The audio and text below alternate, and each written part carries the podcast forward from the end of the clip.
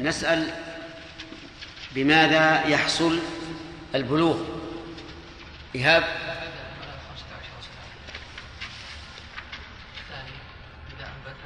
تمام خمسة عشر سنة. والثاني؟ إذا أنبت شعر العانة وهو الشعر الخشن اللي يكون حول القبل. نعم. لا مو شرط ثالث. الأمر الثالث. نعم. ما هو شرط يا أخي؟ نعم. طيب. صحيح؟ طيب. هل يحصل البلوغ بنبات اللحية؟ إبراهيم. نعم إذا كان شعر اللحية. إلا إذا كان يعني نبات غير معالج. إذا كان نبات معالج. إيه، لا نبات طبيعي. إنسان نبت لحيته وهو نعم. ولم يحصل فيه علامة من علامات من العلامات الثلاث لا إذا ما حصل العلامة ما يعني ولو كان له لحية؟ نعم. شيخ هذا من باب أولى لأن لا يمكن أن يتم اللحيه حتى يبلغ الآن اختلف الشيخان نعم. لا ما يلزم. يعني لا لا يلزم من نبات اللحية نبات العانة مثلا. لا يحصل بلوغ نبات اللحية. بنبات اللحية. إيه. الصحيح نعم. لا يحصل لأن العلماء لم يقولوا إلا هذا. ثلاث ثلاث علامات فقط. حتى لو نبت له لحية أو شارب نعم فإنه لا لا يكون بالغا. لا يبلغ إلا بإنبات العانة فقط. طيب. آه، من ولي من ولي هؤلاء؟ حل الحجر. الأب. هذا واحد. ثم وصي الأب ثم الحاكم. طيب. آه، هل هناك أولياء سواهم يا عبد الله أفغاني؟ هل هناك أولياء سواهم؟ سوى هؤلاء الثلاثة الأب ثم وصيه ثم الحاكم.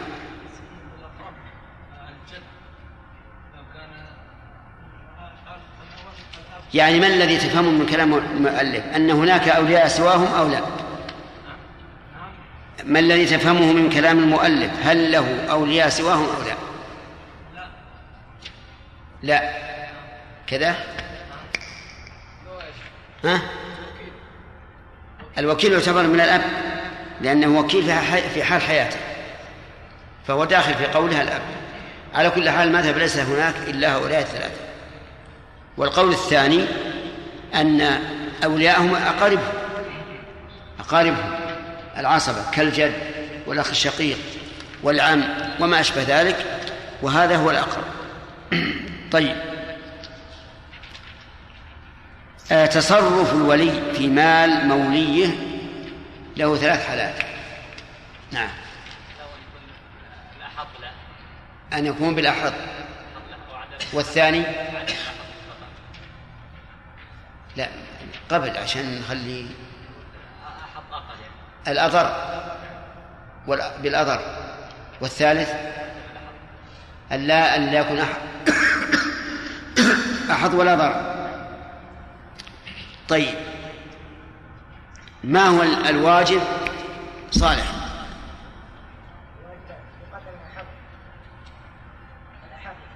الواجب أن يتصرف بال- بالأحظ ما الدليل؟ قوله تعالى ولا تقربوا مال اليتيم إلا بالتي هي أحسن. طيب. إذا قدرنا أنه يتصرف يظن أنه أحظ وأحسن ثم أخلفت الأمور. نعم. أي نعم إذا ظن أنه هو الأحق فالواجب أنه يحمله وإذا استقبل أمر خلاف ما توقع فلا يمنع هذا هل يضمن أو لا؟ يعني رجل اشترى مثلا أراضي بمئة ألف.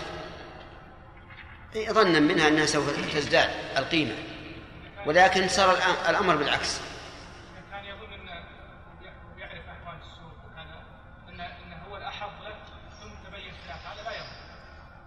كذا؟ ما تقولون. صحيح. هذا ربما نأخذه من قول الرسول صلى الله عليه وسلم إذا حكم الحاكم فاجتهد فأصاب فله أجران وإن أخطأ فله أجر. هذا مثل الحاكم متصرف لغيره بما يرى أنه أنفع لكن حصل آه، شيء بغير بغير اختياره. طيب لو تصرف في شيء يظنه الأحظ وتبين أنه ليس الأحظ وهذا غير المسألة اللي ذكرنا أول ذكرنا تصرف يظنه الأحظ وهو الأحظ لكن نزلت القيم. لكن تصرف يظن أنه الأحظ وتبين أنه ليس الأحظ. سامع إن كان مفوضا فإنه إيش؟ كان مفوضا ضمن. ومع عدم التفويض لا ما سمعتم؟ يقول إن كان مفرطا في عدم البحث والتحري والنظر فهذا لا يضمن لأن الواجب أن لا يقدم على شيء حتى إيش؟ يتحرى وينظر. وإن لم يكن مفرطا فهو أمين ولا شيء عليه. قال المؤلف رحمه الله بدء الدرس الجديد ويتجر له مجانا يعني أن ولي اليتيم وولي الصغير والمجنون والسفيه. يتجر له أي لمول لموليه مجانا يعني لا يأخذ شيئا فيبيع ويشتري بماله ولكن لا يأخذ شيئا لأنه لأنه أمين يتصرف لحظ هذا الذي ولاه الله عليه. ولكن إذا قال أنا لن أشغل نفسي بالاتجار له إلا أن يجعل لي سهم من الربح كالمضارب. فيقال نعم إذا كان يصده إذا كان يصده عن أشغاله لو اتجر له ويقول أنا لن أشتغل به عن أشغال الخاصة إلا إذا كان لي سهم من الربح. فحينئذ نقول لابد أن نرجع إلى المحكمة إلى القاضي. وهو الذي يفرض له ما يراه مناسبا. وعلى هذا فقول المؤلف يتجر له مجانا ظاهره مطلقا سواء شغله عن أشغاله الخاصة أو لا ولكن ينبغي أن يقيد ما لم يشغله عن أشغال خاصة ويأبى أن يتجر إلا إيش؟ إلا بسهم. فحينئذ نقول لا بأس لكن ترفع المسألة إلى القاضي ليقرر ما يراه مناسبا. وله دفع ماله مضاربة بجزء من الربح. له أي لولي المحجور عليه. دفع ماله أي مال المحجور. مضاربة بجزء من الربح. مضاربة مأخوذة من الضرب. لقول الله تعالى وآخرون يضربون في الأرض يبتغون من فضل الله. لأن الغالب أن أن التجار يسافرون إلى البلاد ويأتون بالأموال ويبيعونها ويسافرون إلى الأموال إلى البلدان بأموالهم ليبيعها هناك. ومعنى المضاربة أن يدفع مالا إلى شخص عامل معروف بالحذق والجودة ويقول هذه عشرة ألاف اتجر بها ولك نصف الربح. مثلا نقول هذه مضاربة اشتملت على عقد بين شخصين من أحدهما مال ومن أحدهما عمل. صح؟ وهذه من سعة الشريعة الإسلامية لأنه يوجد من الناس من عنده مال لكنه لا يحسن التصرف ومن الناس من هو قادر على التصرف لكن ليس عنده مال. فيكمل هذا بهذا بأن يعطي صاحب المال من يحسن التصرف المال مضاربة. مضاربة. طيب بجزء من الربح.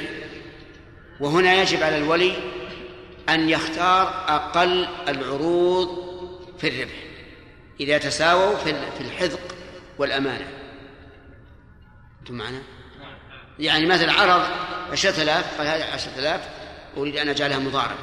تقدم إليه رجلان أحدهما قال يكفيني السدس من الربح والثاني قال لا يكفيني إلا الربع. من يعطي؟ من يعطي يا جماعة. الذي طلب السدس لكن بشرط أن يتساوى الشخصان في الأمانة والحذق فإن كان من طلب الربع أقوى أمانة وأشد حذقا فإنه إيش؟ يقدم لأن هذا أقرب إلى أن يحصل على على ربح كثير وإن كان الله تعالى قد يسوق الربح لرجل أبله ما يعرف. لكن الإنسان ليس له إلا الظاهر. أفهمتم يا جماعة؟ طيب. آه، هل له أن يأخذ هو بنفسه المال مضاربة؟ يعني يعمل بمال المحجور عليه مضاربة. يعني يفرض لنفسه سهما ويتجر الجواب لا. لأنه قال يتجر له مجانا ويدفعه لغيره مضاربة. أما هو بنفسه لو قال أنا أريد أن أتجر بمال المحجور عليه ولي الربح نصف الربح ربع الربح حسب ما يرى في السوق فإنه ليس له ذلك. لأنه متهم فلا يجوز أن يفعل لكن كما قلت لكم قبل قليل إذا كان يقول أنا لن أتجر لأنه يصدني عن التجار بمالي إلا بسهم نقول حينئذ تحول المسألة إلى من؟ إلى القاضي ليفرض له من السهم ما يرى أنه مناسب. قال نعم بجزء من الربح. جزء مشاع ولا معين؟ مشاع ولا معين؟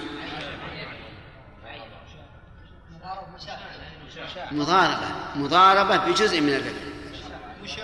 معين ولا مشاع؟ مشاع. لا لا لا تصح لا تصح المضاربة مع مع سهم معين. أبدا. لابد أن يكون مشاعا ويكون معلوم ولا يقول بجزء من الربح. لابد أن يكون معلوما. فقول المؤلف بجزء من الربح يعني معناه أنه يعطيه مضاربة بجزء لكن نرجع إلى شروط المضاربة وهو لابد أن يكون الجزء إيش؟ معلوم. مشاع معلوم؟ طيب لو إنسان أعطى ماله مضاربة لشخص وقال لك ربح شهر محرم ولي ربح شهر صفر يجوز أو لا يجوز؟ هذا معين ما يجوز. لو قال لك ربح آه المال الفلاني كالسكر مثلا. ولي ربح المال الفلاني كالأرز. يجوز أو لا يجوز؟ لا يجوز لأن هذا معين. لو قال لك من الربح مئة ريال والباقي لي. لا يجوز أيضا لأنه معين. لا بد أن يكون مشاعا النصف الربع الثلث السدس. طيب لو قال خذ هذا المال مضاربة بسهم. يجوز؟ لا يجوز لأنه غير معلوم لأنه غير معلوم فلا بد أن يكون معلوما. قال ويأكل الولي الفقير من مال موليه الأقل من كفايته أو أجرته مجانا.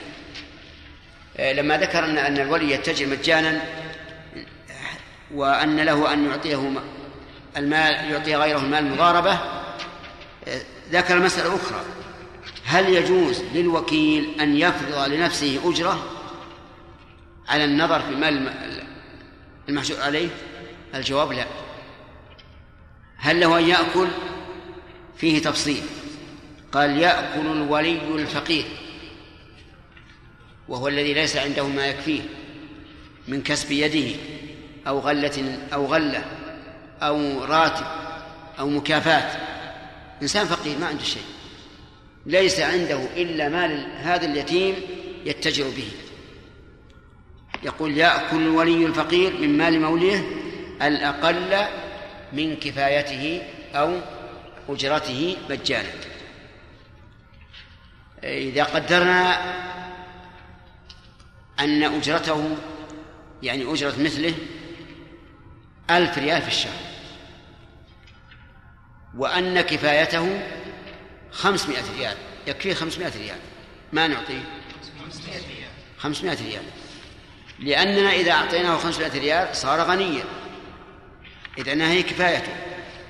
وإذا كان غنيا فقد قال الله تعالى ومن كان غنيا فليستعفف طيب إذا كانت أجرته ألفا إذا كانت كفايته ألفا وأجرته خمسمائة. ما الذي نعطيه؟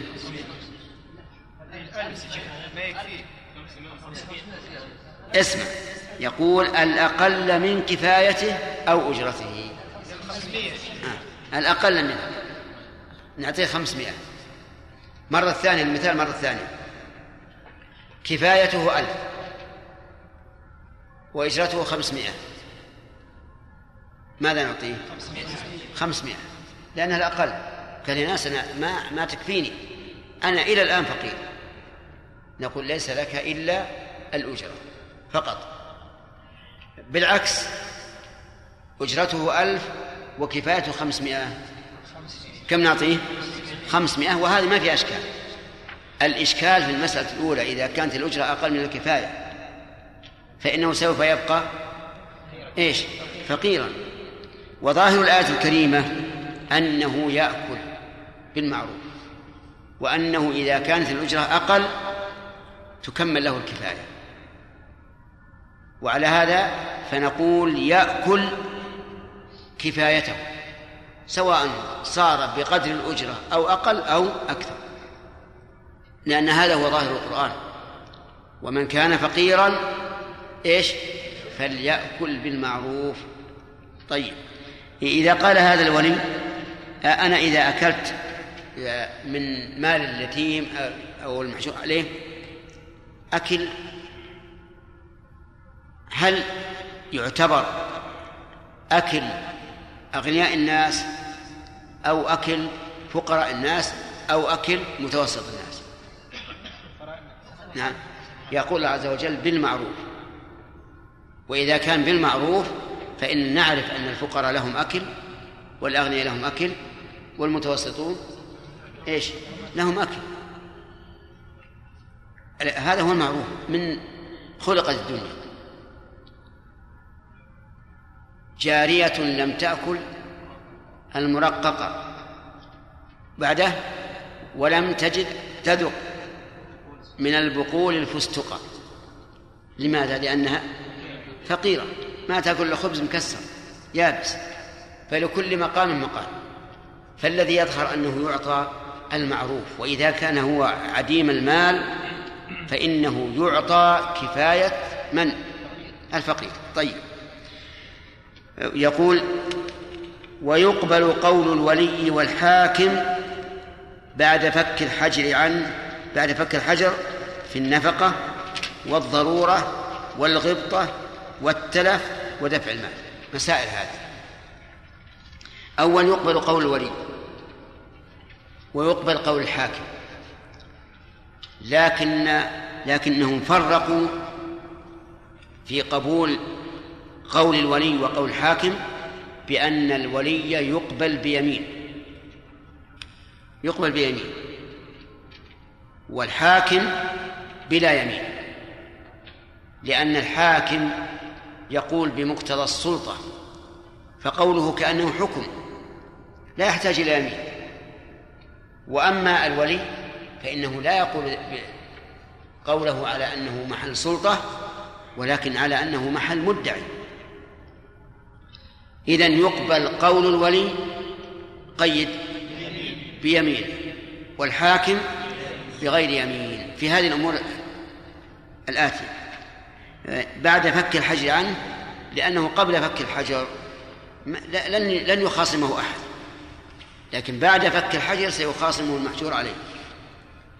في النفقة. قدرها أو أصلها؟ قدرها وأصلها. فإذا فك الحجر وقال المحجور عليه أنا مالي عشرة آلاف والآن ما فيه إلا ثمانية آلاف وين الألفين قال أنفقتها عليك. وقوله محتمل يعني محتمل أنه أنفق في هذه المدة ألفين ريال. يقبل أو لا يقبل؟ يقبل بيمين يقبل بيمين كذلك إذا قال إني أنفقت وقال المحجور عليه لم تنفق. إطلاقا أنا تأتيني النفقة من زيد وعبيد. وأنت لم تنفق عليه. من يقبل قوله؟ الولي. إذا يقبل قول الولي في أصل النفقة إيش؟ وفي قدرها. في قدر النفقة. الحجة أنه أمين. والأمين يقبل قوله فيما أنفقه على ما اؤتمن فيه. الثاني الضرورة والغبطة. وهذه تتعلق فيما إذا باع عقاره. إذا كان المحجور عليه عقار من حيطان أو بيوت فإنها لا تباع إلا للضرورة أو الغبطة. انتبهوا الضرورة بأن لا يكون لديه للمحجور عليه دراهم إطلاقا والمحجور عليه يحتاج إلى أكل وشرب. فيبيع البستان مثلا للضرورة. الغبطة أن يبذل فيه مال كثير أكثر من قيمته المعتادة. فيأتي إنسان يقول أنا أريد أن أشتري هذا هذا البستان أو هذا البيت بمئة ألف وهو لا يساوي في السوق إلا خمسين ألف. هذه غبطة. انتبهوا يا جماعة. إذا الضرورة إيش معناها؟ أن يضطر المحجور عليه إلى نفقة من أكل وشرب وكساء وما, وما أشبه ذلك. الغبطة أن يبذل فيه مال كثير خارج عن العادة. فإذا قال قائل كيف يبذل مال كثير خارج العادة يقول نعم لأن ربما يكون واحد جار له جار محتاج إلى إلى إلى إلى هذه الفلة مثلا أو هذا البستان ولضرورته إليه بذل فيه إيش؟ مالا كثيرا فهذا يباع يقبل قوله فإذا قال المحجور عليه ليش تبيع آه، عقاري؟ ليش تبيع العقار؟ والله بعته لأن لأنك اضطررت للإنفاق فبعته لينفق عليك قال أبد ما عندي ضرورة. من يقبل قولي يا سمير؟ من يقبل قوله الولي بيمينه. طيب. آه الغبطة قال له ليش تبيع آه، عقاري؟ قال لأنه أعطيت فيه غبطة مال كثير. قال أبدا عقاري في ذلك الوقت يسوى ما بعت به عند عند عامة الناس. فالقول قول من؟ قول الولي لأنه مؤتمن. كذلك التلف. لو ادعى الولي أن مال اليتيم تلف. وقال اليتيم قال المحجور عليه نقول المحجور عليه أحسن. قال المحجور عليه إنه لم يتلف. من القول قوله القول قول الولي لأنه مؤتمن لكن لو ادعى الولي أنه تلف بأمر ظاهر ما يخفى على الناس. بأن قال تلف في أمطار أتتنا كثيرة وتلف. يحتاج أولا إلى إثبات هذا الشيء الظاهر. ثم يقبل قول الولي بأن المال تلف به. أيضا لو قال المال تلف بالحريق الذي شب في بيتي. الحريق ظاهر ولا غير ظاهر؟ ظاهر. نقول أثبت الحريق أولا ثم نقبل قولك بأن بأنه تلف به بأنه تلف به. وهكذا كل أمين إذا ادعى التلف فإنه يقبل قوله بيمينه ما لم يدعه بأمر ظاهر فإذا ادعاه بأمر ظاهر كالحريق والغرق والجنود التي احتلت البلاد وما أشبه ذلك فلا بد من أن إيش؟ يقيم البينة على وجود هذا الحادث الظاهر ثم يقبل قوله في في التلف. طيب وهذه قاعدة أظن ذكرناها في القواعد نعم. يقول التلف ودفع المال. انتبه دفع المال. لما بلغ الصبي ورشد قال للولي أعطني المال قال دفعت إليك. قال ما دفعت؟ فلدينا الآن دعوة وإنكار. من المنكر؟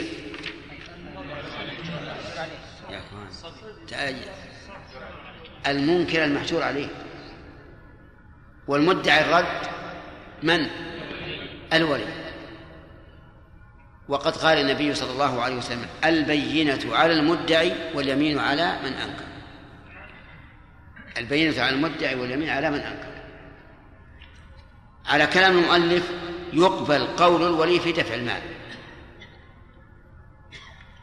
وحينئذ يحتاج إلى إخراجه من الحديث البينة على المدعي واليمين على من أنكر. ولهذا قال بعض أهل العلم إنه لا يقبل قول الولي في دفع المال إلى المحجور عليه إلا ببينة أنتم معنا ولا رايحين؟ ها؟ ما أدري أكثركم ساكت المثال مرة ثانية قال المحجور عليه بعد أن بلغ ورشد قال لوليه أعطني مالي. قال رددته عليك. يقول المؤلف إنه إيش؟ يقبل قول الولي في رده إليه. الدليل أنه أمين وأنه محسن وقد قال الله تعالى ما على المحسنين من سبيل ولو قلنا إن قوله لا يقبل لكان عليه سبيل. نضمنه ما ذمته بريئة منه. لأنه الآن يدعي إيش؟ أنه رد وأن ذمته برئت ولهذا قال قال الفقهاء رحمهم الله يقبل قوله في الرد ما لم يكن له أجرة. بأن كان فقيرا وأعطيناه أجرة أو نفقة فإنه لا يقبل قوله لأنه لأن المال بيده لحظ نفسه. وكل إنسان المال بيده لحظ نفسه فإنه لا يقبل قوله في الرد. بمعنى نعم. طيب. القول الثاني أن الولي لا يقبل قوله في الرد. لأنه مدة. والمحشور عليه منكر وقد قال النبي صلى الله عليه وسلم البينة على المدعي واليمين على من أنكر. هذا دليل. الدليل الثاني أن الله تعالى قال فإذا دفعتم إليهم أموالهم فأشهدوا عليهم فأمر بالإشهاد. وأنت إذا لم إذا لم تشهد فقد خالفت أمر الله فتكون بين معتد أو مفرط. والمعتدي أو المفرط ليس بأمين ولماذا لم تشهد؟ إن ربك أمرك بأن تشهد. لماذا لم تشهد؟ وأما قوله يعني هذا هذه أدلة من يرى أنه لا يقبل قوله في الرد. وكما أسلفنا لكم كثيرا أن من رجح قولا على قول فلا بد من أمرين. وهما بيان دليل الرجحان والإجابة عن أدلة الخصوم. ولا يكفي أن تذكر أدلتك حتى ترد عن أدلة خصومك أجابوا عن عن قوله تعالى ما على المسلمين سبيل بأن هذا الرجل لم يحسن. لم يحسن لأنه فرط أو تعدى حيث لم يشهد. ولماذا لم يشهد؟ ولو قال قائل أنا أريد أن أتوسط بين القولين. فإذا كان الولي معروفا بالورع والتقوى والصدق فالقول قوله. وإن كان الأمر بالعكس فلا يقبل قوله مع أننا لا نقبل قوله إلا بإيش؟ إلا بيمين لا بد من يمين. أقول لو قال قائل بهذا القول الوسط لكان وسطا ولأخذ بقول بعض هؤلاء وقول بعض هؤلاء. ودائما العلماء يسلكون هذا المسلك إذا اختلف الناس على قولين.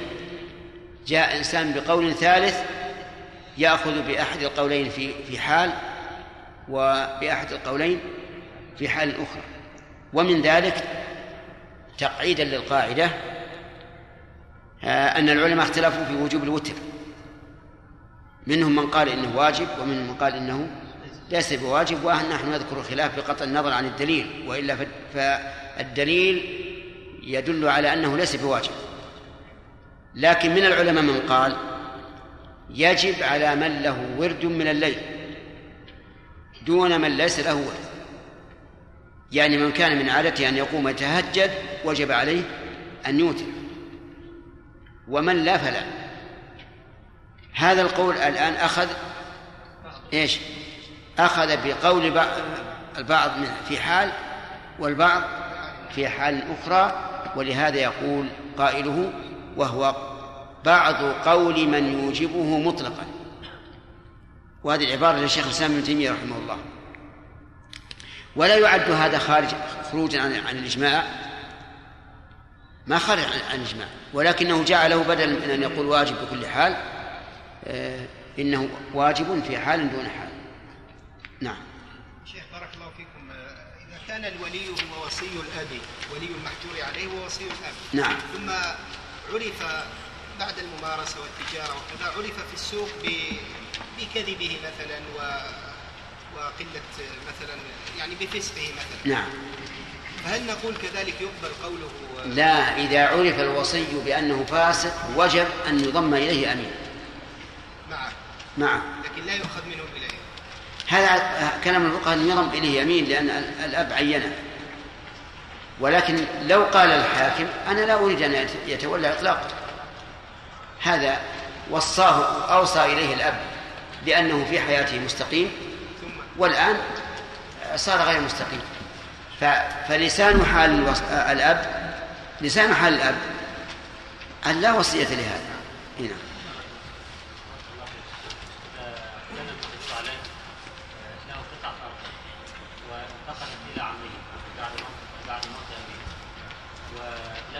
إذا كان المحجور عليه.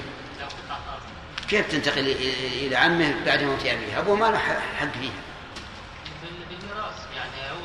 هو تلقائيا انتقلت قطعة الأرض. يعني إذا كان للمحجور عليه قطعة أرض ورثها من أبيه. طيب. انتقلت إلى العم انتقلت إلى العم ليش انتقلت؟ أخذها دون يعني المعروف ها؟ العرف. أن الأرض تنتقل إلى العم بعد موت الأب تنتقل العم ميراثا ولا إيش؟ هذا عرف يا وش العرف؟ خلى بعد بعد الأذان. نعم عرف هذه البلد أن المال ينتقل إلى العم دون تدخل القضاء يعني هذا الميراث آه، الذي المحجور عليه ينتقل مع ميراث العم الذي يقوم عليه هو العم مباشرة. ها يعني معناه ان إن العم يكون وليا عليه نعم يكون وال- و- والملك والملك لل- للمحجور عليه. زين. فكانت قيمة الأرض حين أن تولى عليها العام عشرة آلاف ريال. وبعد بلوغ المحجور عليه كانت قيمتها مثلا ثلاثون ألفا فحينما بلغ طلب الأرض من عمه قال له أعطيني الفرق بين يوم أن توليت عليها إلى هذا اليوم. هذا يحصل يا شيخ يعني مشهور جدا في البلاد أي بلاد؟ سبحان الله. ولا يتدخل القضاء ولا أحد يحكم يعني معناه ما اعطيه الا 10000 فقط؟ يأخذ عشرة آلاف وإما يدفع له عشرون ألف. وتظل الأرض تحت يده لا يأخذ منها لا شيء. هذا حرام ما يجوز. حتى لو تدخل القضاء القضاء لا يحكم له. لا أعوذ بالله. حرام. يجب على طلبة العلم يبينوا للناس إن هذا حرام. ما دام ما دامت الأرض لل- لل- لل- لليتيم فله غنمها وغرمها. ها؟ ثم ان جزاك الله خير. ثم إن العم يستمتع بهذا الأرض يعني فلاحه باستمرار يعني يكاد اليتيم لا يأخذ منها إلا شيء قليل. وهذا أيضا بلاء هذا من البلاء حتى اليتيم يعمل عنده كالأجير ولا يعني الظلم عليه. ها؟ كيف؟ اليتيم هذا يعمل عند العم كالأجير في الأرض كالاجير كالأجير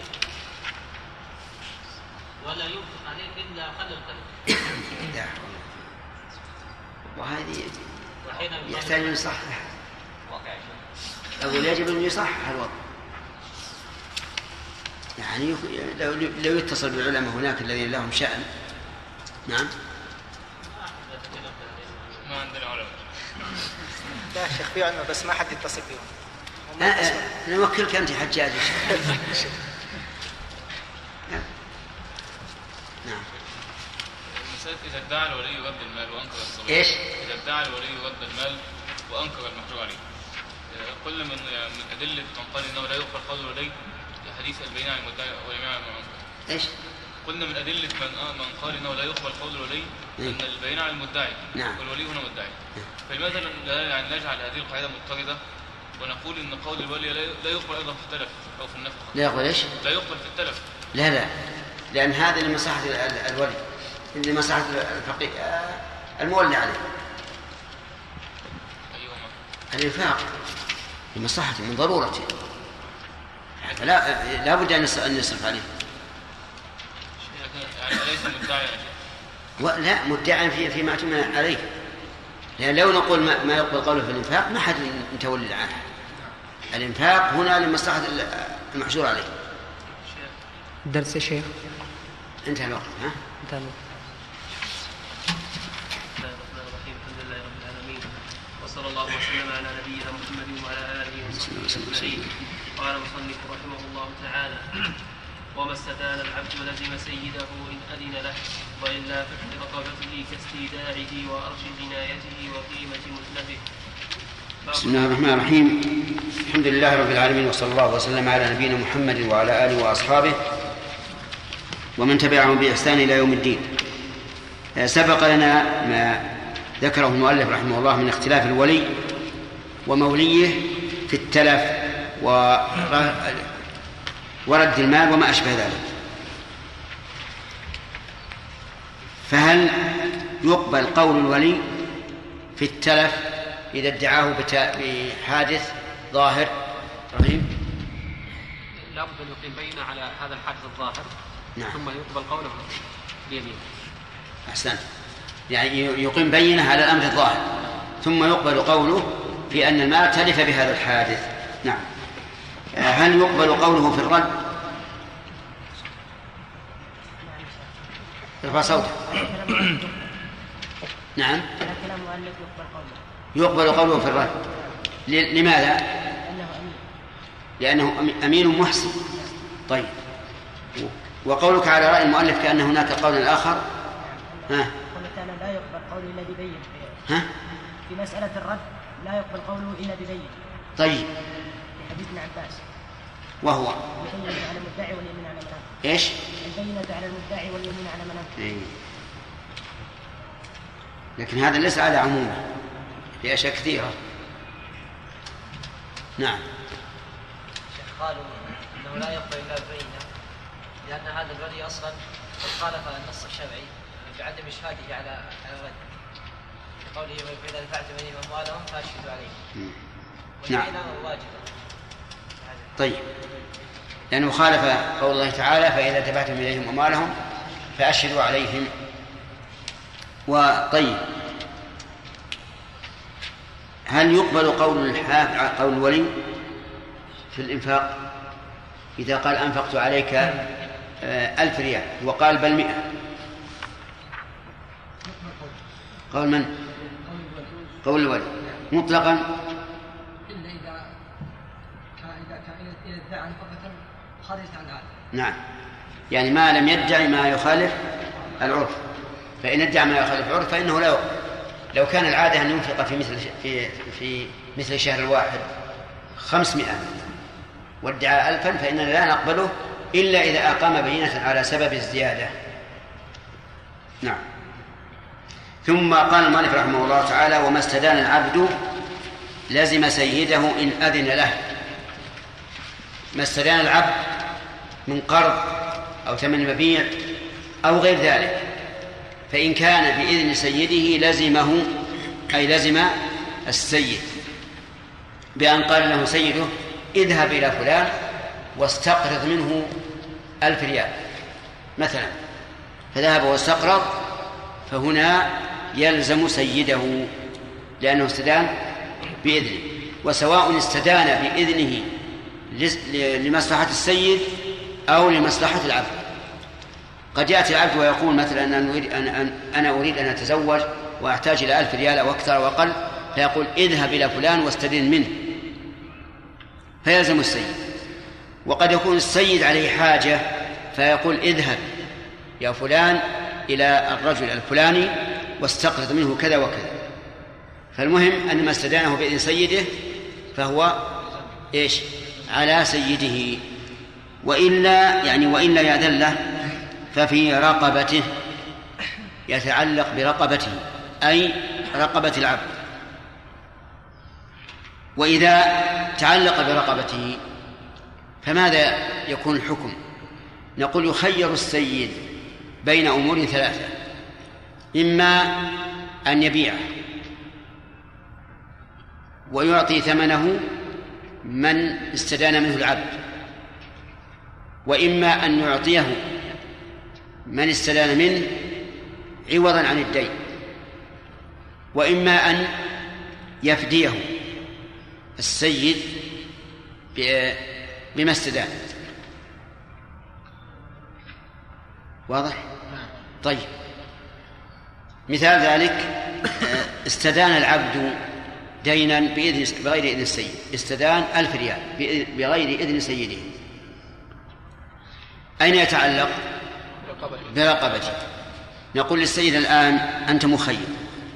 إن شئت فأعط صاحب الدين العبد وقل لك العبد بالدين الذي آه الذي استدان منه. هذه واحدة. أو يبيع العبد ويأخذ قيمته ويعطيها صاحب الدين أو يفديه بقدر دينه يفديه بقدر الدين. فيقول أنت الدين كذا وكذا وأنا لا أريد أن أبيع العبد ولا أريد أن يعطيك إياه ولكن هذه هذا دينك الذي دينته. آه، أيهما الذي يختار؟ سوف يختار الأقل بلا شك. السيد سيختار الأقل. لأنه من مصلحته فإذا قال فإذا قال صاحب الدين أنت الآن لك الخيار بين أن تعطيني إياه أو تبيعه. أو تفتيه ويكون عندك العبد. لكن ما دمت الآن قد طابت نفسك بأن يخرج عن ملكك فأنا أريد فقال سيد العبد أنا أريد أن أبيعه وأعطيك ثمنه.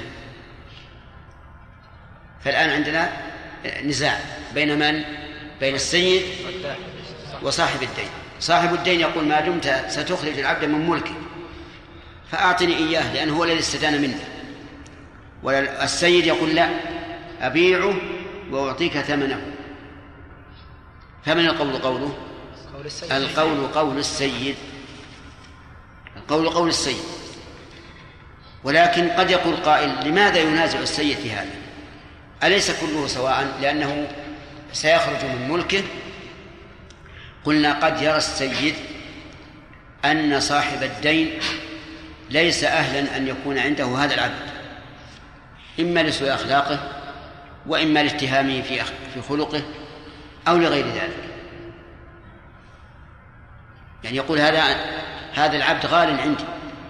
لا أملكه صاحب الدين لأن صاحب الدين أعرف أنه سيء المعاملة أو أعرف أنه رجل سفلة. أخشى على العبد منه خصوصا إذا كان عبد شابا مثلا. فأنا أريد أن أبيعه وأعطيه الثمن. طيب لو قال لو قال من له الدين. إذا بعته فأنا قد أعط قد دينته عشرة آلاف ريال. وإذا بعته لا يساوي إلا خمسة آلاف ريال. فيكون عليه نقص. نقول أنت المفرد أنت المفرد ولو حصل ذلك النقص. لماذا تعطيه دينا يبلغ عشرة آلاف ريال وأنت تعرف أنه عبد؟ لماذا لم تمتنع حتى تستأذن السيد؟ طيب. قال كاستيداعه وأرش جنايته وقيمة متلفه هذه ثلاث مسائل. استداعه يعني أن يأخذ وديعة فيتلفها. فيتعلق بإيش؟ برقبته. وأرش جنايته يعني إذا جنى على أحد فإنه يخير سيده بما ذكرنا. والثالثة قيمة متلفه أي قيمة ما أتلف. فعندنا الآن أربع أربع مسائل. إذا استدان أو استودع أو جنى أو أتلف. كل هذه تتعلق بإيش؟ برقبته. وإذا تع... وكل شيء يتعلق برقبته فإن سيده يخير بين الأمور الثلاثة التي سمعتم الأمر الأول أن يعطيه صاحب الحق ويقول هو لك بدينك أو بجنايتك أو قيمة متلفك الثاني أن يبيعه ويعطي صاحب الحق قيمته أي قيمة العبد. والثالث أن يفديه بجنايته بجنايته ويبقى العبد عنده. ثم قال المؤلف باب الوكالة. باب الوكالة فالوكالة هي التفويض. يقال وكلت الأمر إليه أي فوضته إليه. وهي في الاصطلاح استنابة جائز التصرف مثله فيما تدخله النيابة. استنابة جائز التصرف مثله أي جائز التصرف فيما تدخله النيابة. هذا الوكالة. طيب.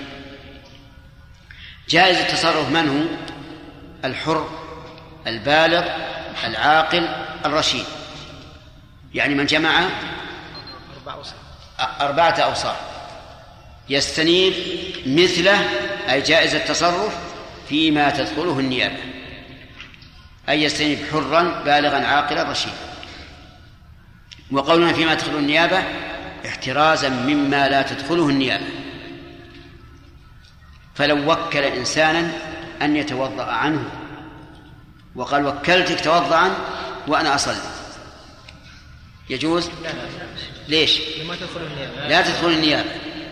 ولو وكله أن يصوم عنه. كان عليه قضاء من رمضان. فقال وكلتك أن تقضي عني لا يصح.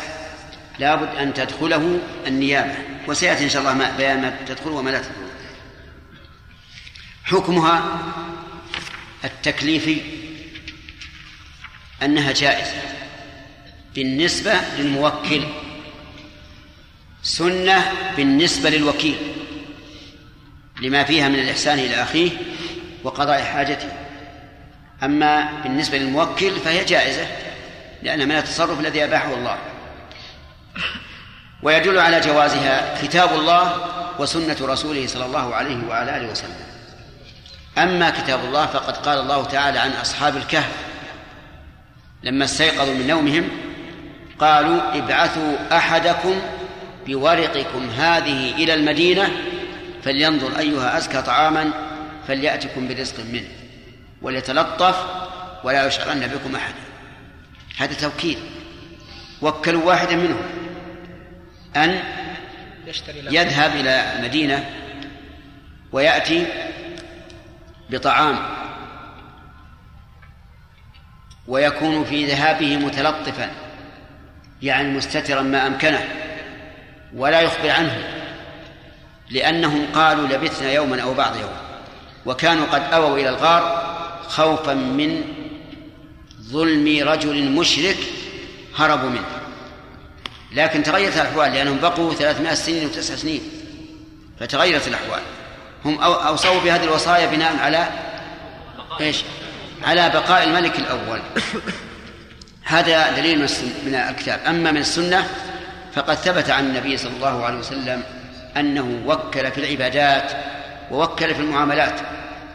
فوكل علي بن أبي طالب أن ينحر ما تبقى من هديه وأن يقسم جلودها ولحومها. ووكل رجلا على أن يشتري له أضحية بدينار. أضحية بدينار.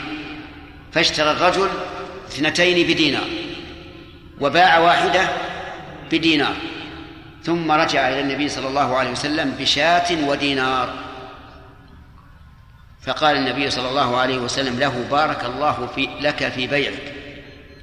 فكان لا يبيع شيئا أو يشتريه إلا ربح فيه حتى ولو كان ترابا ببركة دعوة النبي صلى الله عليه وعلى آله وسلم. كذلك أيضا النظر يدل على جواز الوكالة لأنها من مصلحة العباد. فكم من إنسان لا يستطيع أن يعمل أعماله بنفسه فمن رحمة الله عز وجل وحكمته أن أباح لهم الوكالة. أليس كذلك؟ إذا كان إنسان مثلا مشتغل بطلب العلم أو بغير ذلك من من الأعمال وهو يريد أن يشتري لأهله خبزا ولا يستطيع أن يترك عمله ليشتري الخبز. ماذا يصنع؟ يوكل. إذن المصلحة تقتضي أن تكون الوكالة جائزة. هذا من حيث الشرع. إذا دل عليها الكتاب والسنة والنظر الصحيح والمصالح العامة. أما حكمها الوضعي فيقول رحمه الله تصح بكل قول يدل على الإذن تصح الصحة والفساد والبطلان والسبب والشرط والمانع كل هذه أحكام وضعية. تصح بكل قول يدل على الإذن كل قول يدل على الإذن فإن الوكالة تصح به. فلو قال رجل يا فلان آه، خذ هذه السيارة آه، بيعها مثلا. خذها بيعها. تصح الوكالة. وإن لم يقل وكلتك في بيعها. لأن قوله خذها بيعها نعم يدل على هذا. وإن لم يكن فيه لفظ الوكالة أما القبول فهو أوسع. يقول يصح بكل قول أو فعل يدل على الإذن الإيجاب وهو التوكيل لا بد فيه من قول.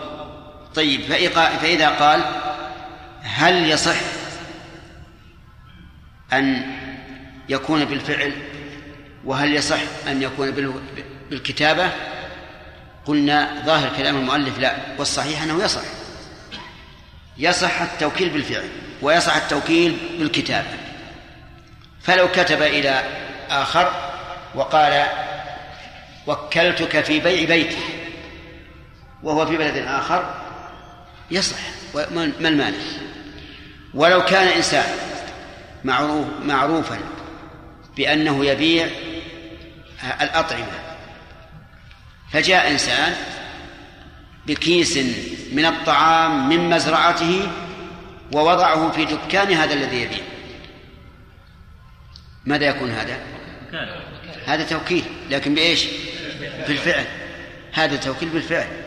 ما دام قد عرف أن هذا الرجل أعد نفسه للبيع وأتيت إليه بشيء ووضعته في مكان المبيعات فهذا يعني أنك وكلته إيش؟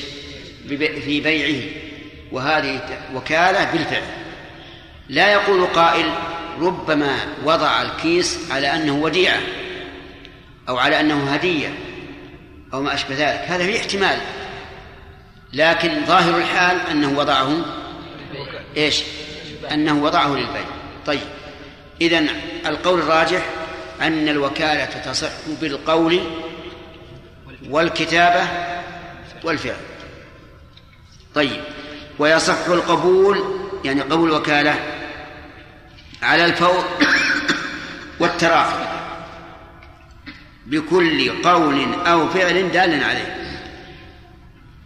القبول يعني يصدر هو اللفظ الصادر من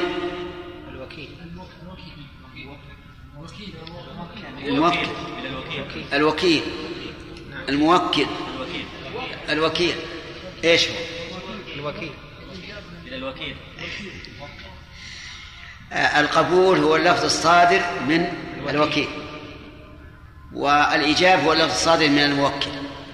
يعني الوكيل يصح أن يقبل الوكالة على الفور بمعنى أن حين يقول له الموكل وكلتك في بيع بيتي يقول طيب الآن أعطني المفتاح ويمشي. يبيع يبيع. وعلى التراخي بأن يقول وكلتك ثم يسكت وبعد ساعة أو ساعتين أو يوم أو يومين يقول قبلت. أو يبيع البيت مثلا. يصح. طيب لكن لو وكله وقال لا والله أنا ما أستطيع أنا مشغول. ثم ذهب الموكل وبعد ذلك ندم الوكيل وقال كيف أرده؟ رجل طيب وحبيب وله فضل علي ثم قبل وتصرف. أيصح؟ لا يصح. ليش؟ انه رفض. لأنه ردها رد. وإذا ردها معناه بطل الإيجاب الأول الصادر من الموكل فلا بد من توكيل ثاني. طيب آه، بكل قول أو فعل دال عليه. كل قول أن يقول قبلت. لكن لو قال أبشر. برضه يصح. يصح؟ هذا قول ولا ولا قول. قول. لو أخذها من السلعة اللي قال خذ وكلتك في بيع هذه أخذها منه. ولم ينطق بكلمة ثم باعها صح. يصح. وهذا قبول بإيش؟ بالفعل. طيب. هذه القاعدة في الوكالة ليست مضطردة عند الفقهاء رحمهم الله فإن بعض العقود يشددون فيها. ولكن الصحيح أن العقود بابها واحد وأن كل عقد يصح بكل قول أو فعل يدل عليه. و وأما ما شدد فيه بعض الفقهاء رحمهم الله في بعض العقود فلا دليل عليه. الأصل أن هذا يرجع إلى العرف فما عرفه الناس عقدا فهو عقد ولو كان بقول أو فعل. طيب إلا أنه يستثنى من هذا ما لا بد من الإشهاد عليه فهذا لا بد أن يكون بقول واضح مثل النكاح. لو أن رجلا قال لشخص زوجتك بنتي هذه. فأخذ البنت ومشى. ينعقد النكاح؟ نعم. الظاهر لا ينعقد هذا. ليش؟ لأن هذا يحتاج إلى إشهاد. ومجرد الفعل لا يدل على على القبول. طيب لو قال وهبتك هذا هذه الساعة. فأخذها وسكت. قبول هذا ولا غير قبول؟ هذا قبول. طيب. يقول آه، صار الوكالة ليس لها صيغة معينة تنعقد بكل قول أو فعل يدل عليها. وقلنا إن هذا ينبغي أن يكون هذا أن يكون عاما لجميع العقود. طيب. ومن له التصرف في شيء فله التوكيل والتوكل فيه. هذه القاعدة. كل من له التصرف في شيء فله أن يوكل وله أن يتوكل. ومن ليس له التصرف فيه فليس له أن يوكل وليس له أن يتوكل. طيب مثال ذلك رجل بالغ عاقل حر رشيد وكل مثله في شراء سيارة يجوز هذا أو لا يجوز؟ نعم. يجوز. لماذا؟ لأن من له التصرف في شيء فله التوكيل والتوكل فيه. ومفهومه من ليس له التصرف في الشيء فليس له أن يوكل فيه. فلو أن صبيا لم يبلغ قال لشخص وكلتك في بيع بيتي. أيصح؟ ليش؟ نعم. لأنه هو نفسه لا يصح التصرف. لا يصح أن يتصرف فيه فكيف يوكل؟ طيب لو كان الأمر بالعكس. رجل بالغ عاقل حر رشيد وكل صبيا في بيع بيته. لا يصح. أيضا. لأنها لأن الوكيل الآن لا يتصرف بمثل التصرف. وقد قال الله تعالى ولا تؤتوا السفهاء أموالكم التي جعل الله لكم قياما. طيب وكل شخصا أن يعقد له النكاح. قال وكلتك أن أن تقبل آه، النكاح لي من فلان. وهذا الوكيل بالغ عاقل حر رشيد. يصح؟ يصح. لأن لأن الوكالة في عقد النكاح جائزة. مفهومه نعم. يقول ويصح. التوكيل في كل في حق في كل حق آدمي. كل حق آدمي يصح أن يوكل فيه. من العقول والفسوق والعتق والطلاق والرجعة وتملك المباحات من الصيد والحشيش ونحوه لا الظهار واللعان والأم إلى آخره. حق كل آدم من العقول. نبدأ بالبيع. هل يجوز أن يوكل في بيع أو شراء؟ نعم. نعم. الإجارة. هل يجوز أن يوكل شخصا يستأجر له بيتا؟ نعم. أو يؤجر بيته؟ نعم. الرهن. يصح أن يوكل شخصا يرتهن له شيئا أو يرهن له شيئا.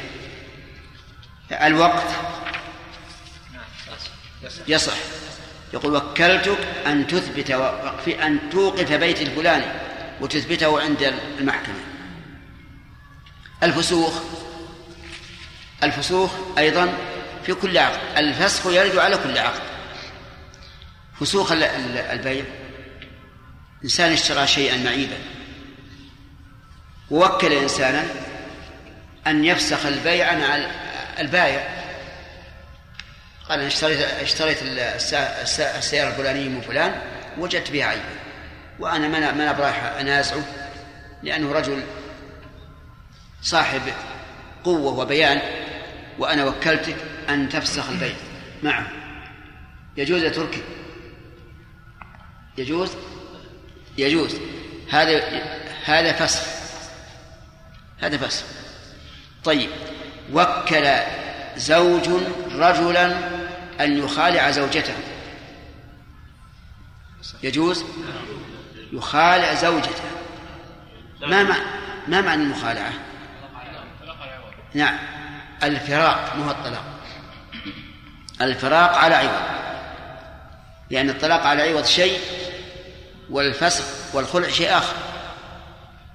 أو ما فهمت؟ يعني الطلاق على عوض يعتبر يحسب من الطلاق فلو كان هذه آخر طلقة على عوض حرمت عليه. لكن إذا كان خلعا وقد طلق قبل ذلك مرتين فإن لا تحرم عليه لأن الخلع فسخ وليس طلاقا. على كل حال وكل إنسانا في مخالعة زوجته. يجوز هذا أو لا يجوز؟ يجوز. لكن عاد لا بد في, في نعم لا بد من أن مثلا يذكر مقدار الخلع يعني العوض. لأنه ربما يوكله في خلع زوجته ثم تكون غالية في قلب الزوج ولا ولا يمكن أن يخلعها بأقل من عشرة آلاف فيأتي هذا الوكيل ويخلعها بألف ريال. فلا بد من تعيين هذا شيء آخر. طيب العتق. يصح. أن يوكل شخصا في إعتاق العبد؟ أو لا؟ يصح. يصح لا. لأن هذا يصح العقد التوكيل في عقده فصح التوكيل في عتقه والتخلي منه. والطلاق. الطلاق يصح أن يوكل فيه يقول يا فلان أو وكلتك أن تطلق زوجتي. يجوز هذا. ويكون الفائدة مثلا أنه يثبت طلاقها عند المحكمة. هل يصح أن يوكل زوجته في طلاق نفسها؟ يصح. طيب. ها. ألسنا قلنا من له التصرف في شيء فله التوكيل والتوكل فيه؟ طيب. هل للزوجة أن تتصرف في الطلاق؟ وتطلق زوجته زوجها. لا. لكن هذه مستثنات هذه مستثنات يعني يجوز أن يوكل زوجته في طلاق نفسه. ودليل ذلك أن النبي صلى الله عليه وسلم خير نساءه. خير نساءه بين أن يريدن الله ورسوله أو يريدن الحياة الدنيا. وهذا مثل الطلاق.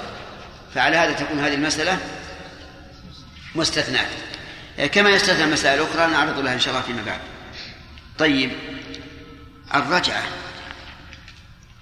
الرجعة أيضا يصح التوكيل فيها. بأن يقول لشخص حين طلق زوجته قال لشخص آخر وكلتك في مراجعتها. يصح. فإذا قال قائل ليش نوكل في مراجعتها؟ لماذا لم يراجع؟ هو بنفسه. نقول قد يكون غائبا. قد يكون غائبا. ويقول للزوج راقبها. لا تنقضي عدتها حتى تراجعها. وهو أي الزوج لا يريد أن يراجعها بنفسه ربما يريد أن يهينها بعض الشيء حتى تستقيم. وربما لا يخبرها بأنه راجعها حتى تستقيم أيضا. فالمهم أنه يجوز التوكيل في الرجعة. هل يجوز أن يوكل أبا الزوجة في رجعتها؟ نعم. يجوز؟ يقول وكلتك بمراجعة ابنتك؟ يجوز. نعم ما في مانع. وش المانع؟ لكن لو خاف أن لا يراجع. إذا كان أبو الزوجة لا يحب أن أن يرجع الزوج إلى زوجته ربما لا يراجع. ففي هذه الحال يجب أن يحتاط لنفسه وأن لا يوكله لئلا يفوت عليه الرجعة. وقوله وقوله نعم. وتملك المباحات من الصيد والحشيش ونحوه يعني له أن يوكله في تملك المباحات. فيقول وكلتك تصيد لي طيرا وأرنبا. وغزالا فيقول قبلت ويأخذ البندقية ويذهب ويصيد. يجوز؟ على كلام المؤلف يجوز. وقيل إنه لا يجوز في تملك المباحات لأن الموكل حين التوكيل لا يملكها فلا يملك التصرف فيها. وبناء على هذا القول لو أن الوكيل تصرف تصرف وأتى بالصيد. فلمن يكون الصيد؟ يكون للوكيل لأن الوكالة لم تصح. ويكون الوكيل إذا أراد أن أن يعطيه الموكل يكون هذا هبة. تأني عبد الله. يكون هذا هبة. لأنه حين صاده صار في ملكه. فإذا أعطاه الموكل فهو هبة وليس عن طريق الوكالة. وكذلك أيضا الحشيش. الحشيش. آه، إذا وكله قال يا فلان وكلتك تحش لي هذه المنطقة. قال نعم لا بأس. فحشها فهل يصح هذا التوكيل المؤلف يرى أنه يصح. وأنه إذا حشها فإنما تكون على ملك على ملك الموكل. والقول الثاني لا يصح لأن الموكل لم يملك هذا الحشيش حتى يملك التصرف فيه. وعلى هذا فإذا حشه الوكيل وأتى به إلى الموكل وقال خذ الحشيش لأنك وكلتني بحشيشه فيكون على سبيل الهبة يعني يخبر فيقال له إن الوكالة لم تصح وأن هذا هبة. نعم. ويقال إن رجلا جاء إلى شخص لا امرأة جاءت إلى شخص وقالت إن الأمير حبس ابني في حشيش. وأنا ما أسقم ما, ما, ما يمكن أبقى بدونه. اشفع لي فذهب الرجل إلى الأمير وقال له جزاك الله خير. هذا ابن حلال يحش يترزق الله ويمه نعم. أطلقه. هذا ظلم. نعم. ظنا منه أن الحشيش هو ما يؤخذ من الأرض. فقال له الأمير قال الحشيش هذا شيء مسكر مثل الخمر أو شيء قال لا أجل عليك به عليك به. نعم. مثل هذه المسائل يعني يجب أنا قصدي أن الإنسان يجب أن يبين ما يريد في الألفاظ المشتركة. الآن الحشيش مشترك بين إيش؟ بين ما تنبته الأرض كما في الحديث لا يحش حشيشها. وبين ما يستعمل في التخدير. فيجب في مثل هذه المسائل المشتركة لا سيما إذا كان يتبادر إلى أذهان العامة الشيء المباح أن تبين الأمور وتوضح حتى يكون الإنسان على بصيرة. فقول المؤلف رحمه الله من الصيد والحشيش أي الحشيشات؟ طبعا ما تنبته الأرض. وقوله ونحوه أي من الأشياء المباحة كأخذ الكمأة. فإن الكمأة لا تعد من الحشيش. ولهذا يجوز أن يستخرج الإنسان الكمأة ولو في أرض مكة لأنها ليست من الحشيش. لا الظهار واللعان والأيمان. هذا لا تجوز فيها آه، الوكالة لأنها متعلقة بنفس الفاعل فلو وكل شخصا في الظهار من امرأته وذهب الرجل إلى المرأة وقال لها أنت على زوجك كظهر أمه عليه يثبت الظهار ولا لا؟ ليش؟ لماذا لا يثبت؟ لأن هذا عقد يتعلق بالفاعل نفسه فلا يصح طيب إذا قال إذا وكله في الطلاق وقال أنت طالق بناء على الوكالة يصح أو لا يصح؟ لأنه فسخ لكن الظهار يتعلق بهذا ولذلك لو فرض أن لو فرضنا أنه صح التوكيل بالظهار وأراد الرجوع الزوج الرجوع من الذي يتحمل الكفارة؟ الزوج ولا الوكيل؟ الزوج إذن ما دام الكفارة تتعلق بالوكيل بالموكل فإنه لا يصح التوكيل فيه اللعان أيضا لا يصح اللعان مشتق من الملاعنة وهي ما يكون بين الزوج وزوجته إذا إذا رماها بالزنا. إذا رماها بالزنا والعياذ بالله قال إن امرأته زنت. فهنا نطالبه أولا إن أقرت الزوجة بذلك ارتفعت عنه العقوبة. ووجبت العقوبة على من؟ على الزوجة. إن أنكرت وأتى ببينة ارتفعت عنه عنه العقوبة ووجب الحد على الزوجة. إن أنكرت ولم يجد بينة فحينئذ نجد اللعان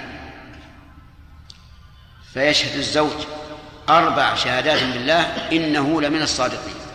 ويقول في الخامسة وأن لعنة الله عليه إن كان من الكاذبين. فإن ردت عليه اللعان فله حكم وإن لم ترد اللعان فهل يثبت عليها الحد؟ أو لا؟ من العلماء من يقول إن الزوج إذا لاعن ثم نكلت الزوجة وجب عليها الحد. ومنهم من يقول إذا لاعن الزوج ونكلت الزوجة فإنها تحبس حتى تقر أو تلاعن أو تموت. والقول الأول هو الصحيح وهو المتعين أن الزوج إذا شهد أربع مرات ودعا على نفسه باللعنة إن كان من الكاذبين فإن الحد يثبت عليها يكون كإقامة البينة. فقول الله تعالى ويدرأ عنه العذاب يعني ويدرأ عنه العذاب أن تشهد أربع شهادات من الله إنه لمن الكاذبين. العذاب يعني الحد ليس الرجم الحد. بدليل أن الله تعالى قال الزانية والزاني فاجلدوا كل واحد كل واحد منهما مئة جلدة ولا تأخذكم بهما رأفة في دين الله. بعده وليشهد عذابهما طائفة من المؤمنين فسمى الله الحد عذابا. إذن يدرأ عنها العذاب يعني الحد أن تشهد أربع شهادات بالله فإن لم فإن لم تشهد وجب الحد عليها. هذا القول الراجح هو المتعين. المهم اللعان. أراد الزوج أن يلاعن الزوجة لإثبات ما ادعاه عليها ولكنه قال يا فلان أنا ما لا أريد الذهاب إلى الحاكم ولا أريد أن أن ألعن زوجتي مواجهة لكن وكلتك أن تلاعن عني. قال أهلا وسهلا. اللي يريح كله خير. فذهب إلى القاضي وقال أنا وكيل فلان في اللعان هل يقبل هذا أو لا؟ ما يقبل. لا. لأن لأن اللعان يتعلق بنفس الزوج. إذ أنه إذا لم يلاعن وجب عليه الحد. حد القذف. وإن لاعن ونكلت هي وجب عليها حد الزنا. طيب وكذلك المرأة لا توكل. آه. الثالث الأيمان. لا تدخل فيها النيابة فلا تصح فيها الوكالة. لو أن آه، شخصا ادعى على زيد بمائة ريال. وليس عنده بينة. فما الحكم؟ أي أن يحلف زيد المدعى عليه يمينا بأنه لا حق لفلان عليه. صح يا جماعة؟ لأن النبي صلى الله عليه وسلم قال البينة على المدعي طيب. لما توجهت اليمين على المدعي آه، لما توجهت اليمين على المنكر قال بوكل فلان يحلف عني. يصح أو لا؟ لا يصح. لأن هذه مما تتعلق بنفس الإنسان وهو الذي يكون آثما أو بارا فلا يصح فيها الوكالة. نعم. الله شيخ ما ذكرنا الراجح في التوكيل في الصيد والحشيش إيش؟ في الصيد في توكيل الصيد والحشيش؟ الراجح أنه لا تصح الوكالة فيه. نعم. قلنا في الصيد والحشيش لا تصح ما وش ذلك إذا كان مثلا يعني الموكل يقول للوكيل وكلتك أن تصيد لي. إن توفي؟ يقول الوكيل الموكل للوكيل مثلا يقول أعطيتك البندقية لكي تصيد لي. وهذا يذهب ويصير. الظاهر أنه للموكل. نعم. نحن ذكرنا أنه يكون هبة إذا اعطاه يكون هبة له. وكيف إيه. ذلك نريد ان يضاح هذا. اي نعم. لأن لأنه الموكل لم يملك هذا الأشر هذا الشيء. هذا الشيء ما يملك إلا بعد اخذه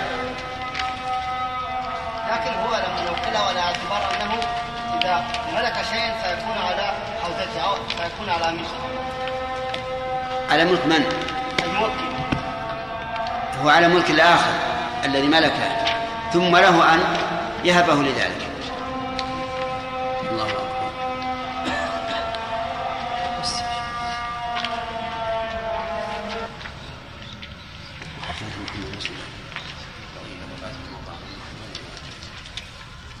لكن جرى العرف الآن عندنا أنه إذا كان إنسان مثلا آه، أتى بعمال وأعطاهم الآلة وقال حشوا هذا الحشيش الذي في في مزرعته وليس هو الزرع الذي أنبته لكنه من عند الله نبت من عند الله. جرت العادة عندنا أن كل من الطرفين يعرف أنه لمن؟ للموكل. فإذا كان اضطرد العرف بذلك فعلى ما اضطرد عليه العرف. نعم. في مسألة الصيد والحشيش. إيش؟ مسألة الصيد والحشيش. نعم أنه لا يجوز ذلك لأن الموكل لم يملك بعد نعم.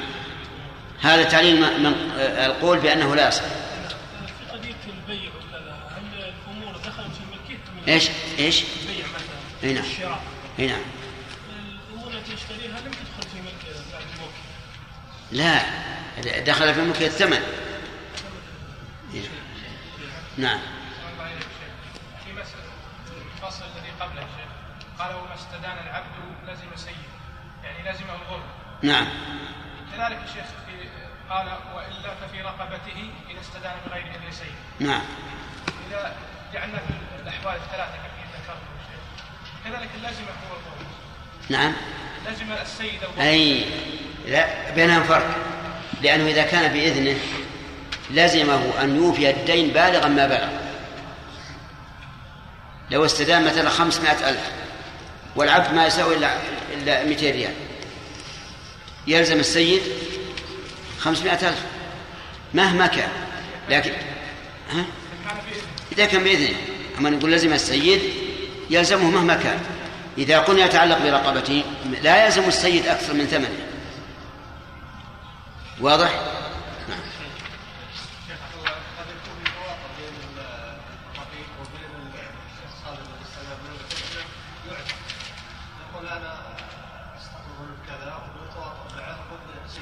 ما يمكن. لا يتواطى ما يمكن. لأن من جملة ما ما يعمله السيد أن يفتيه. أن يقول للمجني عليه مثلا أو لمن دينه يقول خذ دينك والعبد لي.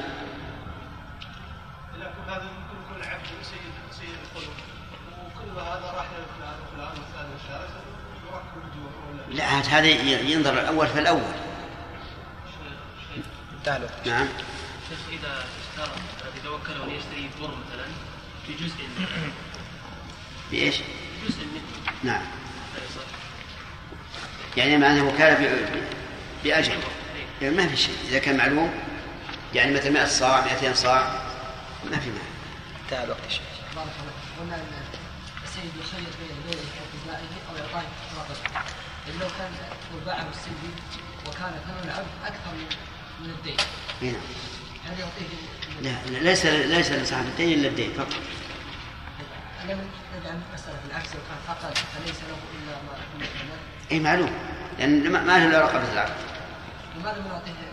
ما نعطيه الخيار للسيد. والسيد إذا كان خيار له سيختار ما, ما, ما في مصلحته. فإذا عرف أن قيمة العبد أكثر من من الدين سوف يبيع ويأخذ الزيادة. نعم. الفقهاء الصلح. نعم هي نوعين. نعم. صلح على إخراج وصلح على إنكار. طيب. مثل لكل واحد. الصلح على إخراج أن يقر زيد لعمرو بهذه العين أنه له هذه السيارة. هذه العين أنه له. فيهب له بعضها. فيصالحه على بعضها. فيصالحه على بعضها. إما بيعا أو شراء. نعم. آه، نعم إما بيعا أو نعم. فهذا صلح على أما الصلح على إنكار هل هذا صحيح و أو له شروط؟ نعم صحيح ولكن بشروط. أن يكون ممن يصح تبرعه وألا وألا يكون شرط هذا الأمر هذا الصلح ألا يكون الصلح مشروطا؟ نعم. وأن يكون من أصح تبرعه؟ نعم. طيب. وهناك, شرط ثالث فيه خلاف وهو ألا يكون بلفظ الصلح. نعم. صحيح أنه لا يشترط؟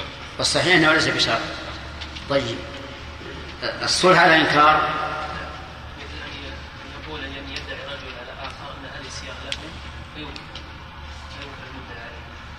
أو يسكت يدعي الشخص يقول هذه السيارة لي فيقول ليست لك. أو يقول لك آه، لي عليك 100 ريال فينكر. كيف يكون الصلح؟ فيصالحه آه، على أن آه، على بعض المال ويكون من المدعي. لا كيف يعني؟ خلي بالسيارة. قال هذه السيارة لي وقال ليست لك. قالوا تنازعوا فقال إذا نصالحك على الدعوة. على ألف ين طيب. من الذي يسلم الريال؟ يسلم الريال والمدعى عليه. طيب. و... وتكون السيارة له. طيب. هذا هذا الصلح. هل هو بيع وإبراء ما- وماذا؟ من جهة المدعي دين ومن جهة المدعى عليه لأنه يعتقد أنه باع عليه. ومن جهة المدعى عليه آه، نعم. هو إبراء من أحدهما وبيع من الآخر. طيب. آه، يجبر الجار على أن يضع جاره خشبه على جداره أو لا صالح. يجبر بشرط. إيش؟ نعم. أحسنت. أن لا يكون ضررا على الجدار وأن يكون مضطرا إلى وضعها على الجدار. كذا؟ طيب. وهل يلزم أن يسلم صاحب الجدار نصف ما قام به الجدار أو لا؟ يعني هل يقول صاحب الجدار أنا بنيته بألف ريال عطنا خمسمية وحط خشبك عليه؟ لا يوافق على هذا. ها؟ طيب ما تقولون؟ صحيح نعم. آه، رجل له جار وكان نخله على جاري على أرض جاري النخل له عصبان. عصبانه على أرض جاري إبراهيم فيلزم الجار هذا لأن يعني لكف العصبان. لئلا تؤذي الجار. ينوي العصبان. ينوي العصبان. طيب. فإن أبى. لو فإن أبى. لا والله ما نعمل ملوي العصبان إيش نعمل؟ يقوم نفس الجار المتضرر قص هذا العصبان أو ليه آه. طيب. يلويها ان أمكن وإلا قطع. علل لأن الهواء تابع للقرار. لأن الهواء تابع للقرار. فالإنسان إذا ملك شيء من الأرض ملك ما فوقها إلى السماء وملك ما تحتها إلى تخوم الأرض. طيب.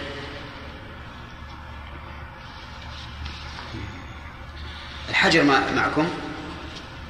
بس الصلح.